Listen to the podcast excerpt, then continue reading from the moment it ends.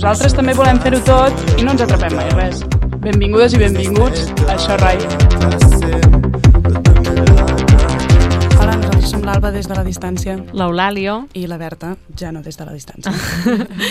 i aquest és l'episodi 3 de la tercera temporada d'Això Rai. Uh!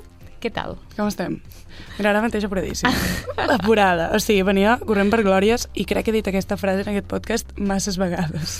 Sí, sí, ho, ho diem massa sovint, no Però, pot ser això. no, vull no, dir- però aquest cop és literal, vull dir, acabes d'entrar per la porta. No, no, sí, sí, o sigui, Sí, sí. literal, arribar i moldre. Però clar, són hores una mica intempestives i... Bueno, Tu, tu què tal, com estàs? bé, bé. Sí, no? També, anant encadenant coses. Desgraciades. Som-hi. A veure, probablement uh, aquesta és la columna més complicada que m'ha tocat escriure i que ara estic tornant a rellegir mm, des de que fem això rai. Al final, projectar en aquest cas escrivint aspectes que no ens agraden, que no entenem i que no ens fan gaire il·lusió, ens situen en la incomoditat, almenys a mi. Potser seria una mica poc humà que al pensar en aquestes coses que ens preocupen no ens remoguéssim gens ni mica. Però tornant a aquest escrit, com deia, potser és el més complicat, però a la vegada també és el més evident, normal i freqüent, perquè la bona merda de la que parlarem avui existeix en massa cases i s'arrapa en massa persones que coneixem. De fet, la cosa no va de que existeixi massa, sinó que no hauria d'existir directament. I és que el càncer habita en massa cases que hem visitat o fins i tot viscut, i s'arrapa en tietes i tiets, germans, cosins, pares i mares, àvies i avis, amics i amigues, parelles, veïnes, coneguts i desconeguts. I en aquest cas, la frase que diu que tot passa per alguna cosa perd tot el sentit, o almenys no he aconseguit trobar-li perquè el càncer és una merda, i ja està. Però una merda que li toca viure massa gent com per no parlar-ne.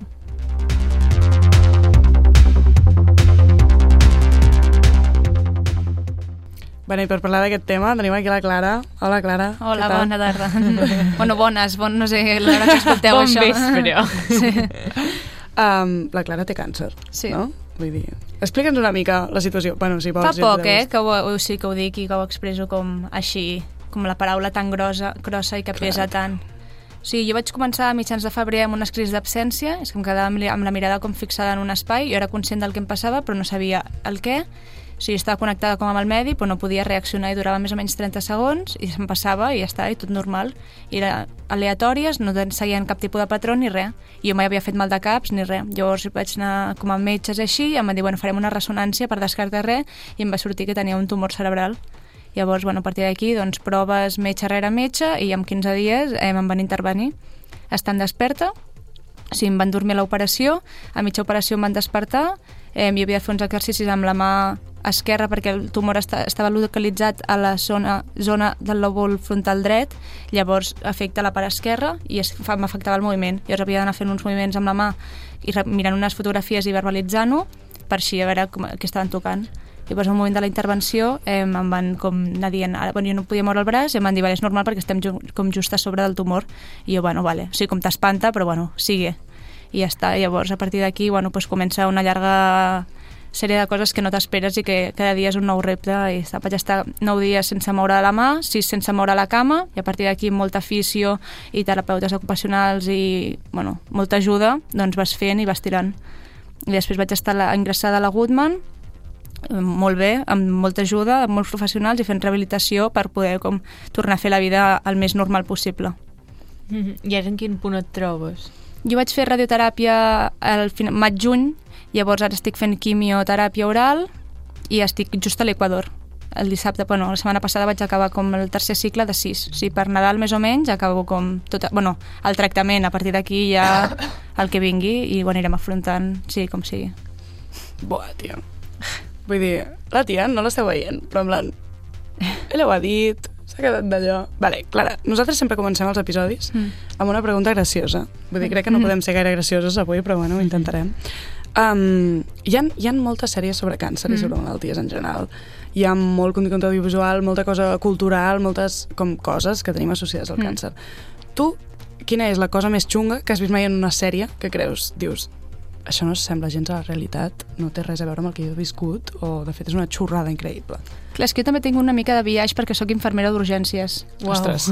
Clar, clar. Llavors, com que impacta i coses així, doncs sí que es veuen moltes coses falses com d'intubar, de tubs de respiracions, vies, cables i coses així, sí que ho veus molt, molt diferent a la realitat, però tampoc ho he associat gaire com amb el càncer propi. Vale. Mm -hmm.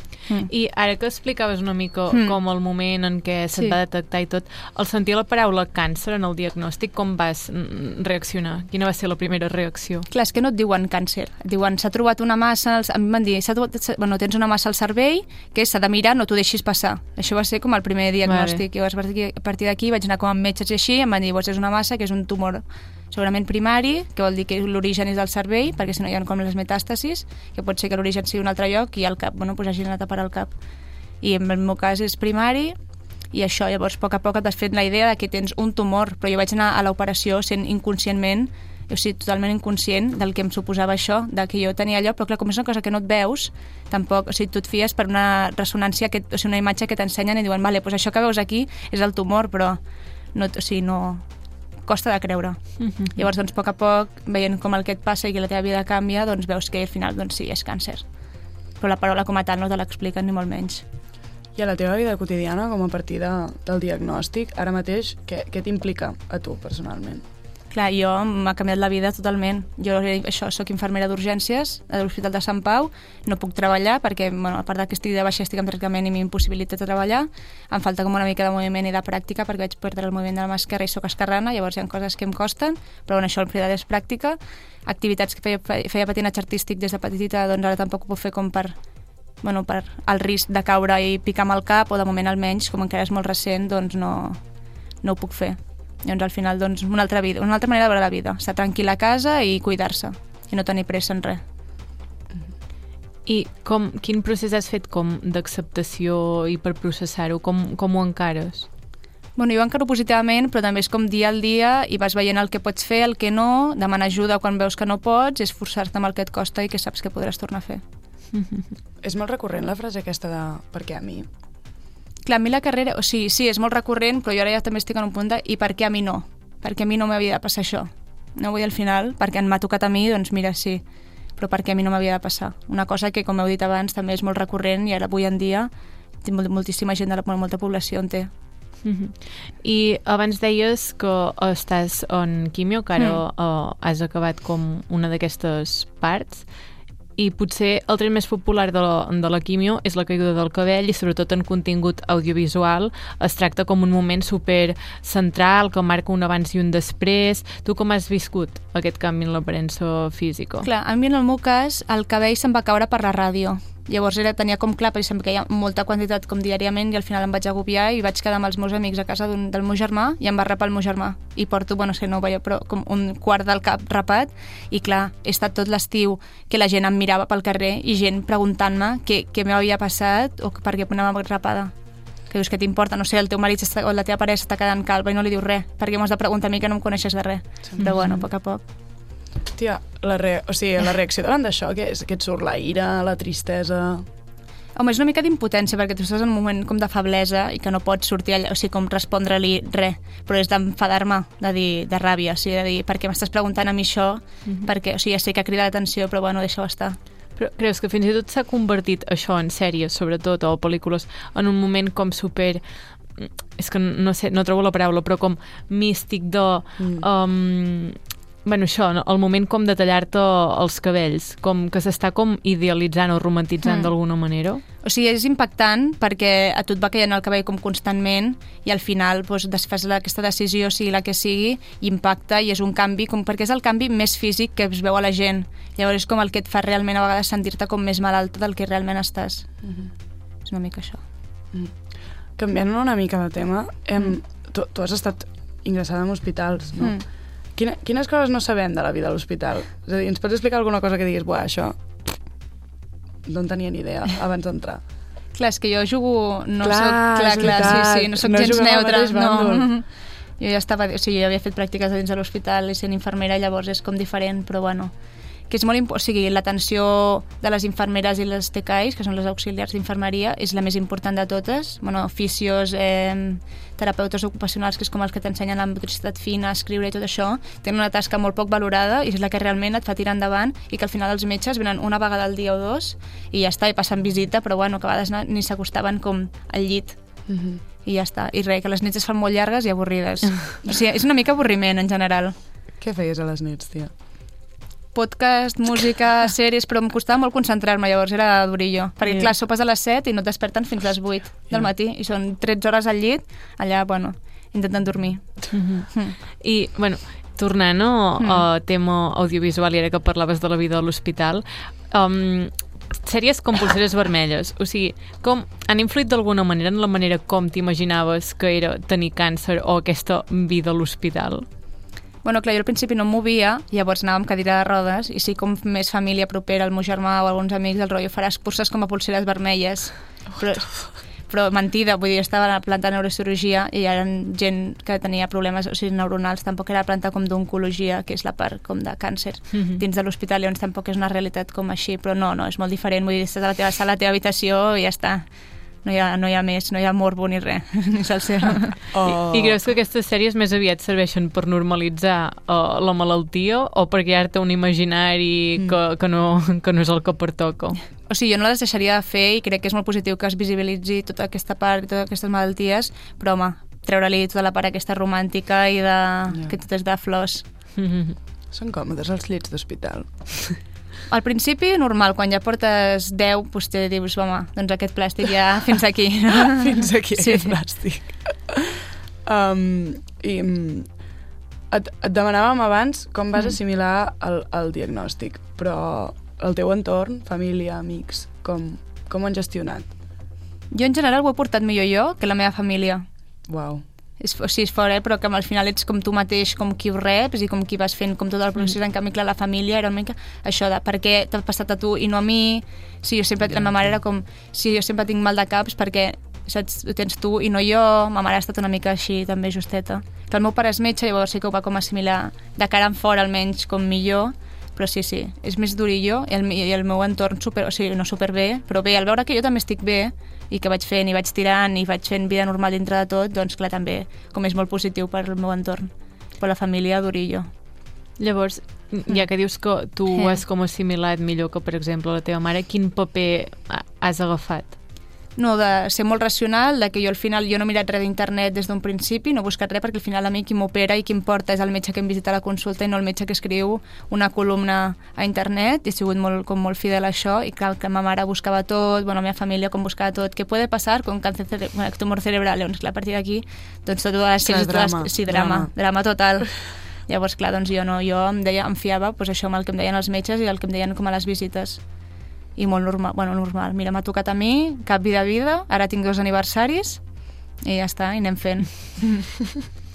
Tia, tu què diries, en plan, si tu estiguessis a Mm. fora d'aquesta situació, tu com creus que s'ha... Bueno, o com, com t'agradaria que t'acompanyessin a tu o, o com, com creus que s'ha d'acompanyar un malalt de càncer? És molt difícil acompanyar, eh, també m'he adonat, perquè cada un també necessita com el seu espai, les seves Ja. coses, sobretot no... O sigui, si jo no et dic que, tinc, que, de, bueno, que necessito ajuda, no me la, o sigui, no m'ho donguis. Si jo no puc obrir una ampolla perquè em costa el moviment, deixa'm que ho provi i fins que jo no em rendeixi no, no m'obris l'ampolla, perquè si no m'estàs traient a mi com la, bueno, això, la capacitat d'intentar-ho i de fer-ho. Ja, ja, 100%. I això t'has trobat Mm. amb dificultats per gestionar-ho, de, això, que et volguessin com ajudar més del compte, com que hi ha hagut Mm. d'haver així una mica de com d'entesa de, vale, això fem-ho així.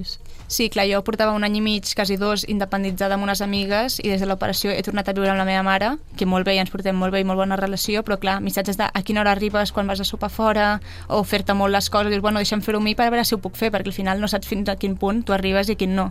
Mm Mm. I més enllà de família, amb, amb els amics, per exemple, com, com es socialitza això? Amb jo amb els amics molt bé, m'han acompanyat, jo no m'he sentit sola en cap moment, jo els hi vaig anar explicant com primer cercles més propers i després doncs, de la feina li dius a qui tens més confiança i al final ho sap tothom, però bueno. I molt bé, la veritat m'han acompanyat molt, m'han respectat molt també com els meus espais, els meus tempos, si els dic que em trobo malament o que estic cansada, doncs no vaig, no vaig al plan, no tinc fomos ni aquestes coses d'ara de merda, m'estic prenent un plan, doncs no, em quedo a casa tranquil·la i em cuido. O sigui, la prioritat és cuidar-se i anar fent dia a dia. 100%. Ole, mi reyes, una abraçada. Amics i família de la Clara. Tia, i, i com funciona això de... Perquè suposo que Mm. la vida ralenteix molt, entenc. Llavors, com ha estat per tu aquest procés com de ralentir, això d'estar tranquil·la, com de ralentir la teva vida? Perquè suposo que no tens FOMO, però al principi potser sí, bueno, una mica, I no? tenint en compte que ets una persona de quants anys tens? 23, bueno, demà, o sigui, estic gravant, però demà faig 24. Oh, Hòstia, que que... No, no, és que és una setmana una mica de locos, perquè demà faig 24 i demà passat fa 6 mesos que em van operar. Tia. Sí, sí, sí, és com molt... So many emotions. Sí, sí. això? Tio, t'hauríem d'haver portat un pastís. Home, això Clar, no sabíem, això. Molaria que ara digués que he arribat tard i, i tragués com... pastís. però no, no passa tia, res. em sap greu, ho sento. Podeu venir demà a fer unes birres si voleu. Vinga. Estupendo. Però, bueno, anava a dir, Sí, o sigui, sí. t'he demanat quants anys tenies, per això que deia la Berta, de que, a Mm. més a més, ets una persona jove, llavors vida així una mica com de molts plans, ara per aquí, ara per allà, Clar, saps? tio. Hmm. Mhm. I a veure, jo m'he sentit bastant en alguns moments com una àvia del rotllo. Tinc molts metges, moltes coses, moltes visites, molt hospital, que dius, bueno, ja està bé, i a part vull fer com plans meus. I doncs, clar, volar, no he pogut volar com aquest estiu i fer viatges com amb avió, doncs cotxe. Amb diferents grups de col·legues, doncs agafar el cotxe i anar a la muntanya i fer plans com més de tranquis. Tia, però hi vas arribar de Porto o no? Sí, però perquè ja feia molts mesos que, que m'havia passat l'operació, llavors ja podia Ah, volar, vale. però a l'estiu no. Què tal el primer vol? Molt bé, no va passar Sí? res, tot bé, tot correcte. no va passar sí. res. Endavant. No, perquè era com la por de si tenia mal de cap o alguna Clar, cosa, i res, no, no, tot bé. Molt bé, què tal Porto? Molt maco, Xulo. moltes pujades, Oh, no. cansat, sí. però bé, però és molt xulo. Vale, I a nivell d'ajudes, Mm? uh, rep suport psicològic? O sigui, quin, quin paper té això en, en, en el procés? Mm. Això és una mica raro, o sigui, en el meu cas jo estic vivint una mica raro, eh? perquè jo eh, vaig tenir un moment que vaig, quan se'm queia el cabell em vaig posar a plorar com una consulta d'una doctora i em va derivar una psicooncòloga, que és la, una psicòloga que es dedica a l'oncologia i teòricament és especialitzada en això. Llavors vaig anar a la visita, em va preguntar per la meva família, amb la psicooncòloga, va parlar amb la me... o sigui, em va preguntar per la meva família i com cercles i vincles, i em va dir, bueno, i emocionalment com estàs?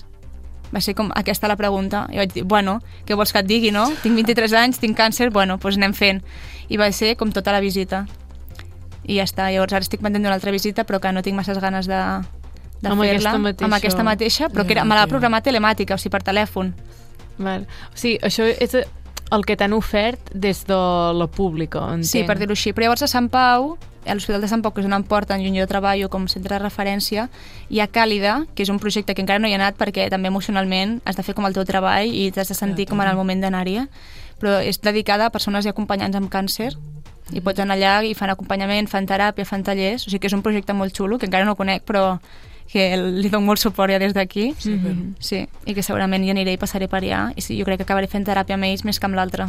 O sigui, entenc que, Mm. bueno, en el teu cas concret, però potser una mica en general a, a la pública, si ho consideren, et deriven a un psico... Un, o, o sigui, Sí, a l'àrea de sí. psicooncologia, Mm. val, i, i, i, i ja està. Vull dir, pot ser que no t'hi acabin com derivant o...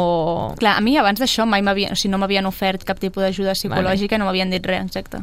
Vale, vale. I llavors tot queda una mica en el paraigües això d'iniciatives com Sí, aquesta sí. que hi pot haver a Sant Pau i d'altres que hi pot haver Sí, en altres o hospitals. recursos teus ja a part. Vale, clar. vale, i a nivell econòmic, és a dir, jo què sé, viatges a l'hospital, logística familiar, em, tractaments farmacèutics... Hi, ha, hi ha ajudes per persones com tu? A mi la quimio, me la, o sigui, jo la prenc en pastilles, no faig tractament per via, Vale. llavors la recullo a l'hospital i me la, o sigui, me la donen gratis, per dir-ho així. Jo sí que tractament, altres pastilles que prenc a diari sí que les pago i et fan el mateix descompte que qualsevol, o sigui, com recepta mèdica i ja està. Llavors, clar, jo tinc l'avantatge que visc a prop de l'hospital i com en viatge en, res, sí, en recursos no gasto massa, però sí, sí, no, o sigui, de primeres no et donen cap tipus d'ajuda en res. Mm -hmm. Val.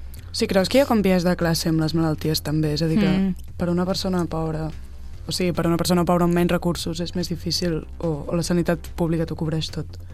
No, no, hi ha viatge com a tot arreu i també jo, he, o sigui, amb el meu pare tenint la gran sort que és metge, es dedica també com al RAM, que té com contactes i coneix gent, ens han pogut accelerar proves, no per la pública, però vaig començar com per la privada, ens han pogut accelerar coses i tirant de contactes, vull dir, per entrar a la Goodman havia d'esperar dos mesos a poder entrar i al final, doncs, tirant de contactes vaig poder entrar, ui, perdó, vaig poder entrar abans i vaig poder fer la recuperació abans. Mm -hmm. O sigui, si, és de, si hagués depengut com 100% de, de la pública, per dir-ho així, la cosa... Es ralentari- es Sí, mínim dos mesos més lent. Ostres. Clar, i això en depèn de quins casos, dos mesos poden ser força c- claus. Sí, sí, de fet, el, o sigui, com el primer any és el més clau per la recuperació, que jo allà a l'Institut Goodman eh, vaig, est o sigui, vaig estar amb gent que portava un any amb un ictus com amb el braç penjant, esperant entrar a la Goodman per fer rehabilitació. Que us som un any amb el braç penjant Clar. i has perdut com el millor moment, que és quan el teu cos està més receptiu a tornar a fer tot, O sigui, com les activitats que feies. Perquè Mhm. la, la Goodman és pública, no? Té una part pública i una part privada. Vale. La part ok. privada s'han de pagar com 7.000 euros al mes. Buah! Sí, Què? sí. I la pública, doncs, res. Vale. I, o sigui, en casos com el teu, a Mm. quina part esteu anant de, de Jo a la pública. Vale. Sí, sí, no, no. a la pública i un servei excel·lent, eh? tant com professionals com la gent d'allà que també ha de passar, superbé. A més, l'ambulància et ve a buscar a casa, et porta fins allà i et recull i et torna a portar. Mhm. I superbé. Wow. I abans que parlaves de, Mm. de un, un, o sigui, una part de medicaments que t'has de pagar tu, entenc que aquests medicaments són part del tractament, vull dir que te'ls has de prendre, o sigui, no és una cosa de ah, això, com que és a més a més, uh, si et ve de gust, tu financies tu. No, no. No, no, clar, m'haig de prendre pel, pel, sí, pel tractament. I són de pagament. Sí, o sigui, pago poc, potser en total pago 6 euros, Val. però sí. O sigui, una és per no fer les crisis com d'absència que feia com per prevenció i l'altra és un antidepressiu, que és una història curiosa perquè a mi l'antidepressiu me'l van donar a partir del primer dia de la cirurgia i a mi ningú em va dir que em donarien antidepressius ni res i porto com sis, bueno, que es farà sis mesos prenent-lo i ara ningú sap com qui me l'ha pautat, fins quan ni res i està com una mica en l'aire jo prenent-me un antidepressiu que segurament em va bé i és protocol i que estic millor i puc fer vida normal per això, eh? però bueno, ningú sap d'on ve ara això. Hosti, que fort. I m'han dit que almenys fins que acabi la quimio doncs que el segueixi prenent i que mal no em fa. Creus que, ja per anar, per anar tancant, no?, una Mhm. mica, um, creus que es pot arribar a normalitzar tenir càncer? Bueno, és difícil, però al final, bueno, és la, és la realitat, són diverses realitats, a mi m'ha tocat aquesta, ara en aquest moment, i ja està. Normalitzat, a veure, esperem que no, però també com la societat que anem envellint i volem viure molts més anys, al final doncs, el teu cos no, no està fet per això i surten coses que és com el càncer, que al final doncs, són malalties que abans no existien perquè et mories abans o no hi havia tractament com per fer-ho. És que jo a vegades estic amb la dicotomia aquesta, de quan, sobretot quan et diuen a algú si tal persona té càncer, que la primera reacció és hòstia, quina, put bueno, quina putada, tal, no sé què, quina merda, però llavors també hi ha l'altra part de vale, és que ho té tanta gent, però és Ja, que a vegades em fa ràbia, saps, tenir Mm. aquest pensament de, ah, és que ho té molta gent, vale, sí, perquè potser ho té molta gent, però no deixa de ser una merda. Sí, sí, sí, és una gran merda i és una merda que t'has d'empassar perquè a més no tens alternativa. Mhm. Si fas el tractament, fas el que et diuen i, i confiar. Això també jo aquests mesos porto com molt confiant amb la gent, amb els metges i amb el que em diuen, perquè una altra cosa no pots fer. Jo confio en el que em diuen, amb els tractaments que em fan i ja està, perquè no... I sí, sí, és una gran merda que et canvia la vida, però bueno, és, és això, perquè a mi no m'havia de passar. És que, a més a més, és com una por... bueno, no sé si dir-ne por, però com un... O sigui, el càncer és una cosa com que socialment sempre està com darrere fons. O sigui, no sé com Sí. dir-ho, però vull dir, sempre hi ha com una por, això, saps? Jo crec que l'únic moment que he vist com desaparèixer, cometes, cometes, aquesta por, és amb la pandèmia, saps? O sigui que estàvem tots tan concentrats com en una altra malaltia que perdíem el, el d'allò. Mm. Que clar, amb la pandèmia també, vull dir, tota la gent que estava aquests recursos o aquests tractaments també és un altre, te o sigui, és un altre tema i un gran Clar. meló a obrir, Clar, clar. perquè et dediques només al Covid, però bueno, la gent es segueix posant malalta d'altres coses. És que abans quan has dit, o, o sigui, Mm. quan has explicat com el teu procés, Mm. diguéssim, ho he estat com calculant a veure si havia coincidit com amb, amb el confinament com més estricte i, i això, perquè mm, realment devia ser una situació molt complicada també pel que fa a la detecció, Mm. perquè al final és això, tu potser els símptomes va arribar a un punt que eren molt evidents, però hi ha persones que potser és un mal de cap que associes a l'estrès i va passant i va passant i va passant fins... 100%. Mm. Bueno, Clar, a mi de fet em va dir que potser feia com dos anys que tenia el tumor allà, o sigui, al cap, fins que bueno, s'ha fet gran, va créixer i em va dir, em va, bueno, va treure el cap, per dir-ho així, i em va dir hola i em va com visibilitzar-lo fent aquests, aquestes crisis d'absència, però si no, jo no m'hagués enterat. Tia, que fort. O sigui, gràcies com a les crisis d'absència m'he pogut com estar curant o fer tractament o fer alguna cosa.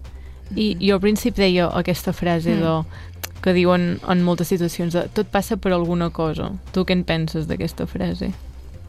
Home, espero que no, però bueno, potser a mi també m'ha servit per com calmar i posar una mica el freno de mà perquè des de que tinc 16 anys porto fent com moltes coses amb la meva vida, uns ritmes, uns tempos bastant accelerats, llavors potser ara és com, bueno, calma, uns mesos sense treballar també està bé, com cuidar-te i estar relaxada. I ja, bueno, última, vull dir...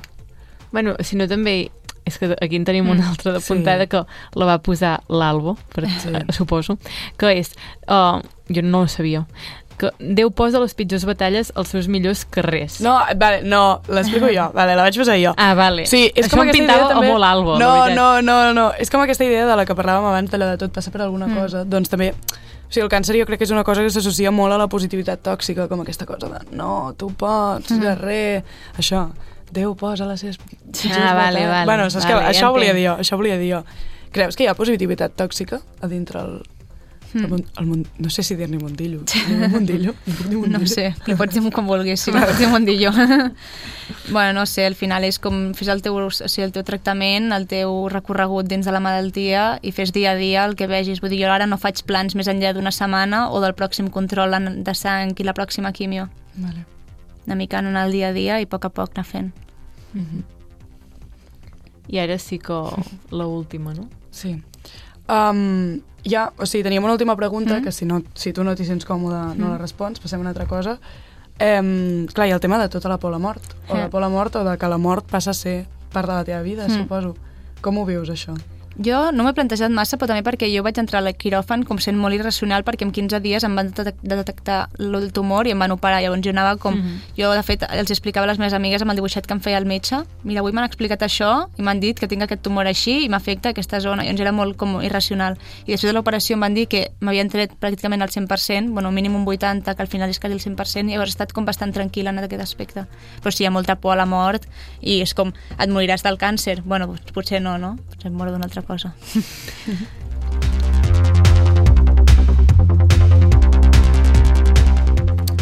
Vale, passem a la part final de l'episodi. Tia, que per cert, jo no t'havia avisat. Al final de cada episodi L'he una... avisat. Ja m'ho ha dit abans, sí, sí. Perdó, soc literalment el pitjor desastre d'aquesta terra. No m'ho tingueu en compte.